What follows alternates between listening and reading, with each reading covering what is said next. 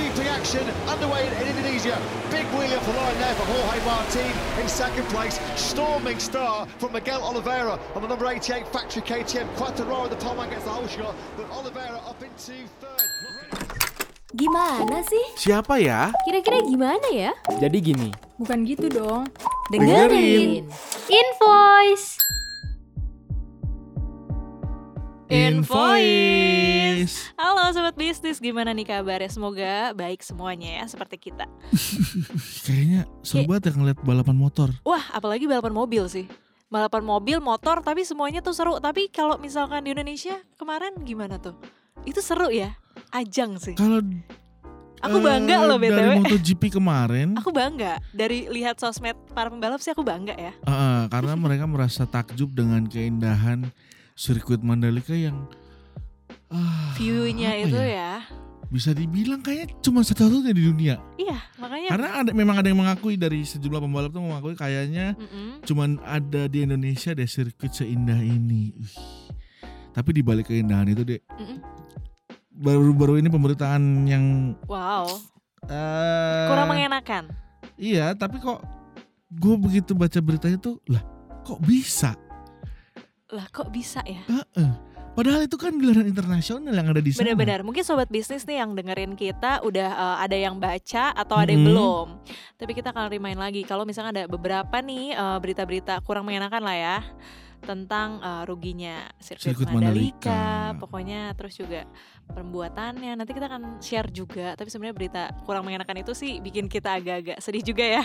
Agak sedih juga sekaligus bingung dan bertanya-tanya Betul. kenapa bisa jadi rugi gitu ya. Karena Mm-mm. eh, ekspektasinya adalah ketika Indonesia menggelar event internasional itu pasti di mana ada tiket, ada sponsor, ada eh, penonton, Mhm. terus juga ada exposure dari negara-negara lain. Harusnya sih enggak ya. Maksudnya Mhm. ya kita nggak tahu ya karena kita kan ngelihatnya dari sisi publik dan sisi masyarakat yang melihat itu sebagai sebuah pertunjukan yang sudah digelar eh, Ya. beberapa waktu lalu gitu Betul. kan. Dan kita juga ngelihatnya lewat sosial media gitu dan Mm-mm. Nah, mungkin kita akan beberapa eh, membahas poin-poin nih. Kita nggak akan bahas tentang mungkin kita ruginya aja gitu ruginya ya. gitu, Tapi kita akan nge-flashback nih eh, sobat bisnis. Jadi sebenarnya eh, ada hal eh, kayak cerita gitu ya background kenapa sih Hmm. sirkuit Mandalika ini dibuat di Indonesia khususnya di NTB. Tapi sebenarnya kalau misalkan eh, sobat bisnis pengen tahu sejarahnya ini sebenarnya sirkuit Mandalika ini sudah eh, direncanakan sejak Presiden Soeharto. Oke, berarti udah, lama, banget ya. Tapi ada beberapa hal yang ceritanya nih eh, sejarahnya cukup panjang. Jadi kalau Oke. misalkan gue masukin di sini tuh kayak eh, makan waktu lumayan lama ya. Jadi Mungkin bisa lebih cerita, berpart-part kali ya. Heeh, singkat cerita eh, beberapa kali masa presiden dari era Soeharto sampai ke Presiden Jokowi, itu Jokowi. batal karena adanya beberapa pertimbangan yang dirasa mulai dari dari segi eh, lokasinya karena kan Ya. ini banyak yang bilang pindahin kuburan deh tapi memang memang demikian gitu ya karena Memang kenyataannya kayak gitu. Heeh, harus harus digeser gitu ya ibaratnya. Terus juga dari segi keuangan juga karena memakan biaya yang cukup banyak.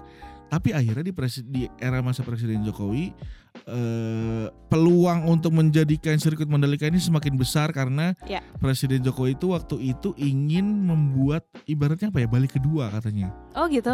Heeh, jadi Tapi memang karena eh, nggak cuma secara ini ya, secara pet- pemetaan gitu memang Mhm. dekat, tapi Mhm. memang kan eh, eh, dari eh, NTB itu sampai ke Bali juga nggak terlalu jauh ya, gitu ya juga mungkin vibesnya juga sama. Nah mungkin Nah. presiden tuh melihatnya dari situ, apalagi kan sekarang dari tahun lalu eh, pariwisata itu digencarkan banget nih benar. sama menteri juga, menteri Sandiaga dan juga didukung sama presiden kita. Bener, nah makanya karena deket itu vibe-nya mirip, Iya. jadi eh, dirasa kayak harus ada alternatif nih supaya wisatawan asing atau wisatawan lokal tuh nggak cuma ke Bali doang Betul. dan nggak cuma kenal Bali doang sebagai bagian dari Indonesia gitu. Iya.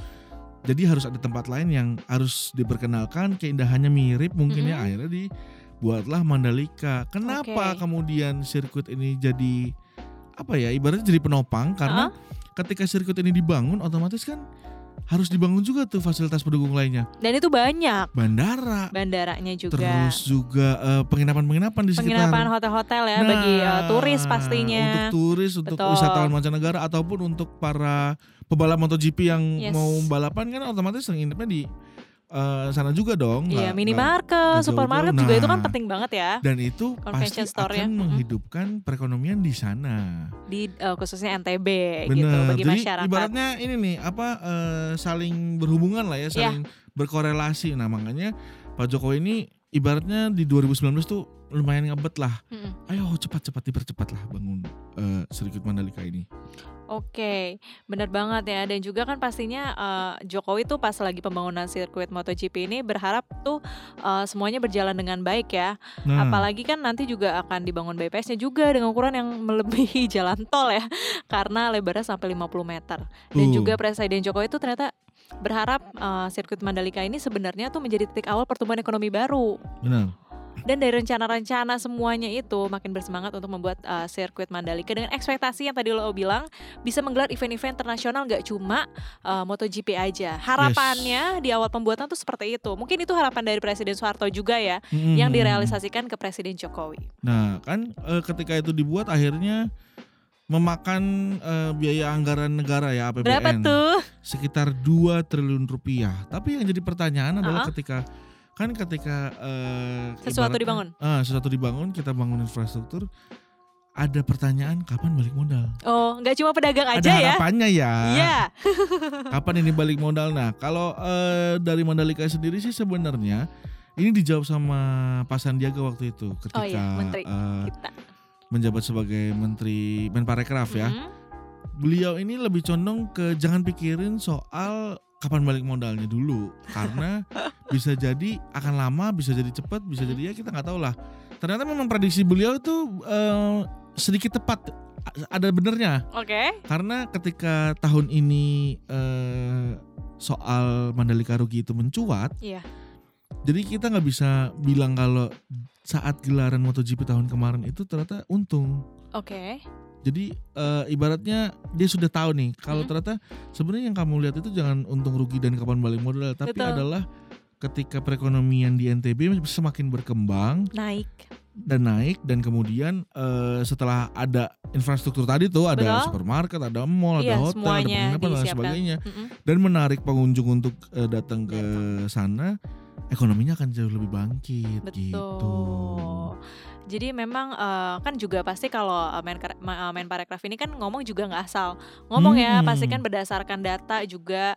Jadi kalau misalkan bangkitan ekonomi Mandalika itu kan tadi yang lo bilang juga itu benar-benar eh, dinikmati oleh wisatawan dan juga untuk eh, dari secara SDM-nya, dari tenaga kerja warga lokal itu kan Nah, jadi punya Betul, pekerjaan. betul. Uh, dan itu pun juga kan berkorelasi dengan hotel-hotelnya karena kan nggak mungkin orang-orang NTB uh, orang-orang luar itu turis cuma datang pas uh, MotoGP aja. Ya, Biasanya kalau udah ke Mandalika sekali nih nonton MotoGP pengen kemarin datang lagi. bikin datang lagi dan itu kan cuma nggak namanya dari mulut ke mulut tuh kan lebih kenceng ya. Ya, ya, ya. jadi ya, udah ya. deket Dan dari sosial Bali, media juga Heeh, gitu deket kan. Bali, NTB. Jadi itu udah salah satu apa ya exposure yang bisa dikasih sih dari MotoGP untuk berkelanjutannya sih. Kalau menurut gue dari tingkat pariwisatanya, karena memang indah banget sih. Gak cuma event MotoGP-nya, tapi memang wilayahnya tuh luar biasa. Ah, benar. Nah, kemudian eh, mungkin sobat bisnis juga kepikiran ya ketika kita ngomongin soal sirkuit Mandalika nih. eh, hal-hal apa aja sih yang kemudian jadi nilai plus? Apa bedanya Mandalika dengan sirkuit-sirkuit lain di dunia? Terutama untuk gelaran MotoGP ini. Nah, kalau sobat bisnis tahu nih 2 triliun yang tadi dihabiskan untuk membangun sirkuit itu Hmm. ternyata nggak cuman sekedar ngabisin anggaran negara doang, tapi Ya. eh, itu membangun sebuah infrastruktur yang punya kualitas kelas dunia. Buktinya adalah beberapa eh, pihak, salah satunya nih ada siapa namanya ya? Oh jurnalis asing namanya Simon Peterson dan juga Neil Morrison lewat akun Twitter pribadinya saat gelaran MotoGP 2022 lalu Iya. itu memuji tentang eh, drainase di sirkuit Mandalika karena Wow. saat itu kan hujannya gede banget tuh ya. Nah, itu juga jadi salah satu hal viral, tapi juga Hmm, menjadi suatu keunikan uh, bangsa Nah. Indonesia gitu. Dan itu dilirik dunia. Bener. Hujannya deras banget, Uh-uh. terus juga eh, saat itu ada genangan air Ya. di sirkuitnya. Kalau sobat bisnis ingat tuh waktu mobil apa ya istilahnya namanya ya mobil pit checknya ya, Iya, buat yang ngecek untuk buat uh, ngecek ngecek jalanannya, areanya. mau- buat ngecek pit lane-nya itu muter, itu tuh genangannya lumayan tinggi, lumayan Betul. lumayan Itu bikin ban. sempat khawatir juga Ah, ah, jujur. ini gimana nih aman apa enggak nih ternyata si Simon Peterson ini lewat akun Twitternya bilang kalau luar biasa ini sirkuit Mandalika cepet surutnya airnya. Mm-mm. Jadi artinya eh uangnya nggak sia-sia lah ya Betul. 2 triliun yang dibangun untuk Iya sirkuit Mandalika itu nggak sia-sia. Selain itu ada juga yang istimewa kalau sobat bisnis ini mah Kenapa tuh? tahu lah ya. Tolong dikasih tahu. Selain eh, dari segi infrastruktur yang dibangun itu nggak sembarangan, ini juga ada yang lumayan jadi sorotan dunia yaitu pawang hujan. Mungkin kalau di Indonesia biasa ya lihat Biasa. pawang hujan.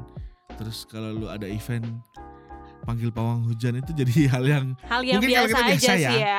Apalagi kalau misalnya tadi pernikahan atau event apa pun di outdoor tuh pasti selalu me- eh, kita panggil ya udah kayak itu tuh udah jadi template acara aja. Iya, tapi kalau orang luar negeri kan belum tentu dia Nah, tahu pawang hujan Mana itu ngerti apa. dan emang dia tahu kalau ada pawang hujan di dunia ini kan nggak tahu ya. Makanya tapi ternyata- agak excited gitu ketika Excited banget, Mbak makanya- Rara di tengah Ini adalah menurut gue adalah eh, salah satu debutnya Mbak Rara ya. Walaupun mungkin Yes. Mbak Rara ini sering dipakai katanya kan dia dipanggil sama Erick Thohir ya. Hmm, karena udah sering mengerjakan event-event uh, Erick Thohir ini.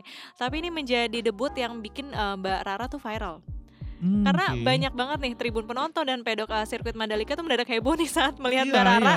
jalan sendiri masuk ke pit lane dan dia tuh membawa uh, alat lah ya mangkok ah, mangkok dan sendok itulah pokoknya uh, peralatan dia untuk uh, ritual lah atau untuk membuat hujan agak-agak reda ataupun juga berhenti gitu dan dia tuh langsung disambutnya tuh dengan teriakan tepuk tangan penonton gitu bahkan lucunya serunya itu banyak banget kan itu uh, live ya Ganang ya, Ya, ya, ya. dan itu penonton langsung heboh terus bisa ngelihat Mbak Rara secara langsung dan bahkan para pemotor ah, gue, ah, gue lupa namanya siapa yang dia pun juga nyobain yang ikut gerakan ini ya kan nah itu juga benar-benar Mungkin dipikirnya itu cuma gimmick doang, tapi kok bisa ya dia begini-begini ngeberhentiin Nah. hujan gitu kan? bener makanya itu menjadi pusat perhatian kru dan para pembalap MotoGP di pit box oh, sirkuit Sekaligus Mandalika. juga jadi apa ya ibaratnya jadi reminder masyarakat Indonesia kalau kita ngomongin MotoGP 2022 karena identiknya dengan si Mbak Rara Pawang Hujan ini MotoGP Iya, 2022 lalu bener ya. banget dan yang paling penting Mbak Rara masuk Instagramnya MotoGP Ya ya ya lumayan lah ya debut debut. debut. Oke, dan mungkin em, kalau misalkan kita udah lihat eh, dari sisi event yang sudah berlangsung, Mhm. dari eh, latar belakang dibuatnya, Mhm. terus juga po- kesan positif dari semua pihak di event eh, MotoGP dan juga data dari eh, Menparekraf Sandiaga Uno Ya, dari ya, tingkat ya. ekonomi dan lain-lain, dan juga nih tadi eh, dari berita menge- tidak mengenakannya itu ada banyak yang bertanya kenapa sih nggak dimaksimalkan untuk gelaran olahraga seperti F1? Nah karena kan itu bentuknya sirkuit ya artinya Mm. ketika kita bicara eh, infrastruktur harusnya itu jadi sebuah eh, apa ya infrastruktur yang bisa dipakai untuk nggak cuma sekali tapi beberapa kali ibaratnya kalau bikin jalan tol itu nggak cuma buat mobil doang tapi bisa buat truk gitu nah ini juga dipikirkan oleh masyarakat Indonesia ya saat eh, membaca berita mengenai ruginya sirkuit Mandalika. Loh kenapa nggak dipakai buat balapan F1 ternyata nih sobat Mm-mm. bisnis ada beberapa hal yang mungkin eh, harus jadi syarat ya ketika kita bicara soal gelaran F1 karena ada syarat-syarat ibaratnya standar sendiri standar internasional. Yap. ketika penyelenggaraan F1 di satu sirkuit itu harus ada eh, kategori-kategori grade-nya gitu. Ibaratnya kualitas-kualitas dari sirkuit itu sendiri yaitu untuk eh, balapan F1 maupun MotoGP harus masuk dalam kategori grade A sesuai standar Forward Racing Circuit atau SRRC dan sirkuit dengan grade A ini harus punya panjang 4,3 km terus juga eh, panjang 4,3 km atau 4,5 km terus minimal harus bisa digunakan untuk 10 kali putaran Oke. secara keseluruhan memang sirkuit Mandalika ini udah punya panjang 4,31 km Mm-mm. udah tergolong kategori grade A juga tapi ada faktor lain nih sobat bisnis yaitu adalah faktor keselamatan karena Tapi ini sirkuit penting banget ya.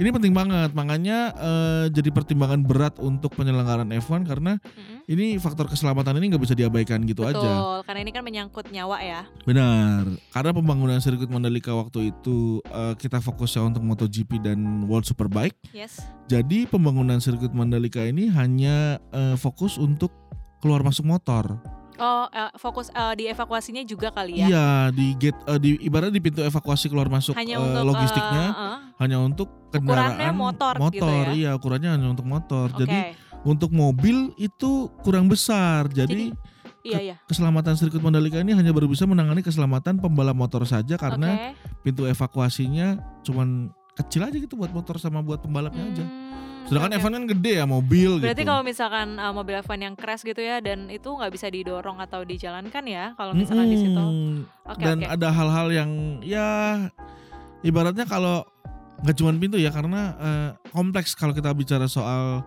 faktor keselamatan karena nggak cuma ketika eh, ada pintu lu keluar Mm-mm. kelar gitu. Ada beberapa hal yang ibaratnya karena itu adalah satu syarat keselamatan, ada step-step juga yang kemudian terlewatkan ketika pembangunan sirkuit Mandalika ini. Jadilah eh, sirkuit Mandalika ini tidak bisa untuk menangani pem- eh, balapan F1. Selain itu juga di sirkuit Mandalika harus punya crane atau alat pengangkat mobil seperti yang ada di Standard Federation International de Automobile atau FIA. Oke. Jadi itu eh, syarat mutlak ya untuk eh, penyelenggaraan F1 dan tidak bisa kalau di sirkuit Mandalika gitu. Oke. Tapi kan meski demikian sirkuit Mandalika itu kan direncanakan uh, untuk um, Eh, selain itu ada juga ini biaya lisensi. Oh iya, itu penting loh. Biaya lisensi dari F1 itu juga nggak murah karena lumayan mahal jadi ya ibaratnya karena udah habis biayanya untuk eh, pembangunan ya pemerintah mungkin menomor dua kan ya nggak Mm-mm. jadi prioritas untuk penyelenggaraan F1 jadi untuk lisensi F1-nya tidak dibayarkan oleh pemerintah untuk sirkuit Mandalika itu sendiri mungkin kalau bisa diurus dan diperbaiki pintunya mungkin Mungkin bisa uh, untuk gelaran uh, next F1 ya kali ya. bisa aja sih tapi ya kita lihat apakah Mampu gak sih? eh, akan memakan biaya lebih besar lagi Nah, atau Kalau misalkan uh, nambahin biaya besar sih pasti. Nah, itu juga sebenarnya nanti akan jadi kritikan lagi sih. nah jadi panjang lagi nanti takutnya masalahnya ya Makanya. permasalahannya ya walaupun begitu tadi eh sirkuit Mandalika ini tetap akan eh, diupayakan ya. untuk balapan roda 4 dari kunjungan FIA Mm-mm. rencananya Oktober 2022 lalu akan menggelar GT World Challenge Oh, Asia. Asia setelah sebelumnya dapat eh, homologasi dari Federasi Motor Internasional dan juga FIA masih bakal menguji lagi kelayakan sirkuit Mandalika di balapan roda 4 jadi masih belum final ya Iya. masih akan eh, terus diupayakan supaya bisa menyelenggarakan balapan untuk F1 gitu. Nah benar banget Apalagi sekarang nih dari segi bisnis Ternyata uh, Menteri BUMN Erick Thohir nih Mengatakan ternyata pihaknya sudah terbuka nih Untuk investor swasta Mm-mm. Masuk di kawasan uh, ekonomi khusus Atau KEK uh, dari uh, Mandalika di Nusa Tenggara Barat gitu Dan sekarang ini pengelolaan kawasan ekonomi khusus di Mandalika ini dikelola oleh Injourney. Oke Dan Injourney ini yang eh, tadi kita sebut di awal ya, dia punya utang 4,6 triliun rupiah. Dan iya benar Dan dia juga punya rincian utangnya juga nggak sedikit nih Mm-mm. Karena jangka pendeknya aja 1,2 triliun rupiah dan juga utang jangka panjangnya itu adalah 3,4 triliun yang bikin uh, arus cashnya tuh jadi negatif. Nah ini jadi sentimen publik juga ya ngeliat Injourney. Hmm, hmm, hmm. Dan eh, yang ini juga jadi pertanyaan publik juga, kok bisa kemudian ada eh, negatif mungkin Ya. karena penyelenggaraannya kemarin juga eh, tidak langsung dibayar lunas kali ya. Jadi Betul. harus ada biaya-biaya tambahan juga, Ya. terus juga ada hal-hal lain yang juga harus dibayarkan. Jadi ya akhirnya kemudian dari eh Injourney sendiri itu bilang kalau eh, MotoGP ini eh, gelaran MotoGP itu sebenarnya tidak begitu berpengaruh. Yang lumayan berpengaruh terhadap utangnya itu World Superbike. Oh yang iya iya. iya. Disebut-sebut eh, World Superbike itu cukup bikin rugi karena kerugian terbesar di World Superbike bukan MotoGP. Oke. Jadi eh, ada rencana untuk menghilangkan World Superbike karena eventnya kurang menarik mungkin gitu ya. Bisa jadi sih. Terus eh, Walaupun nggak bisa dibandingin sama MotoGP. mm-mm, karena memang beda sih dari eh, pembalapnya beda, terus eh, motor yang dipakai juga beda gitu ya. Mm-mm. Tapi yang jelas di balik kerugian ini harapan kita adalah eh, kita masih bisa menikmati event-event internasional. Pastinya, apalagi eh, nggak cuma kita melihat langsung, walaupun mungkin kita eh, kalau misalnya mau berkunjung tuh kita cuma di satu Indonesia aja, jadi nggak terlalu berat harus sampai ke luar negeri Betul. kan. Itu poin eh, enaknya dan kita pun walaupun bisa nikmatin di televisi juga merasa kedekatan karena event internasional itu tuh ada, di Ada negara Indonesia. kita. Iya benar. Ditambah lagi kalau misalkan memang sobat bisnis punya budget untuk datang ke sana Nah, nonton balapannya langsung. langsung. Sekaligus juga bisa menikmati keindahan alam dan juga eh, menikmati pariwisata di sana di Betul Mandalika. banget. Jadi menurut gue sih eh, nggak ada tuh eh, bahasanya rugi atau gimana karena itu hanya Ya. hanya eh, hanya masalah waktu aja akan ada event Ya, atau ya, ya, enggak ya, ya, akan betul. nanti kita akan upgrade dan lain-lain karena setiap event beda-beda keperluannya juga beda setiap tahun juga kan pasti lapangan dan lain-lain juga berubah ya Ya gitu. dan itu tadi harapan kita semoga eh, ya kalau misalkan Indonesia punya mimpi untuk eh punya sirkuit yang indah udah terwujud. udah terwujud Iya kenapa harus jadi ribut-ribut lagi ya? nggak boleh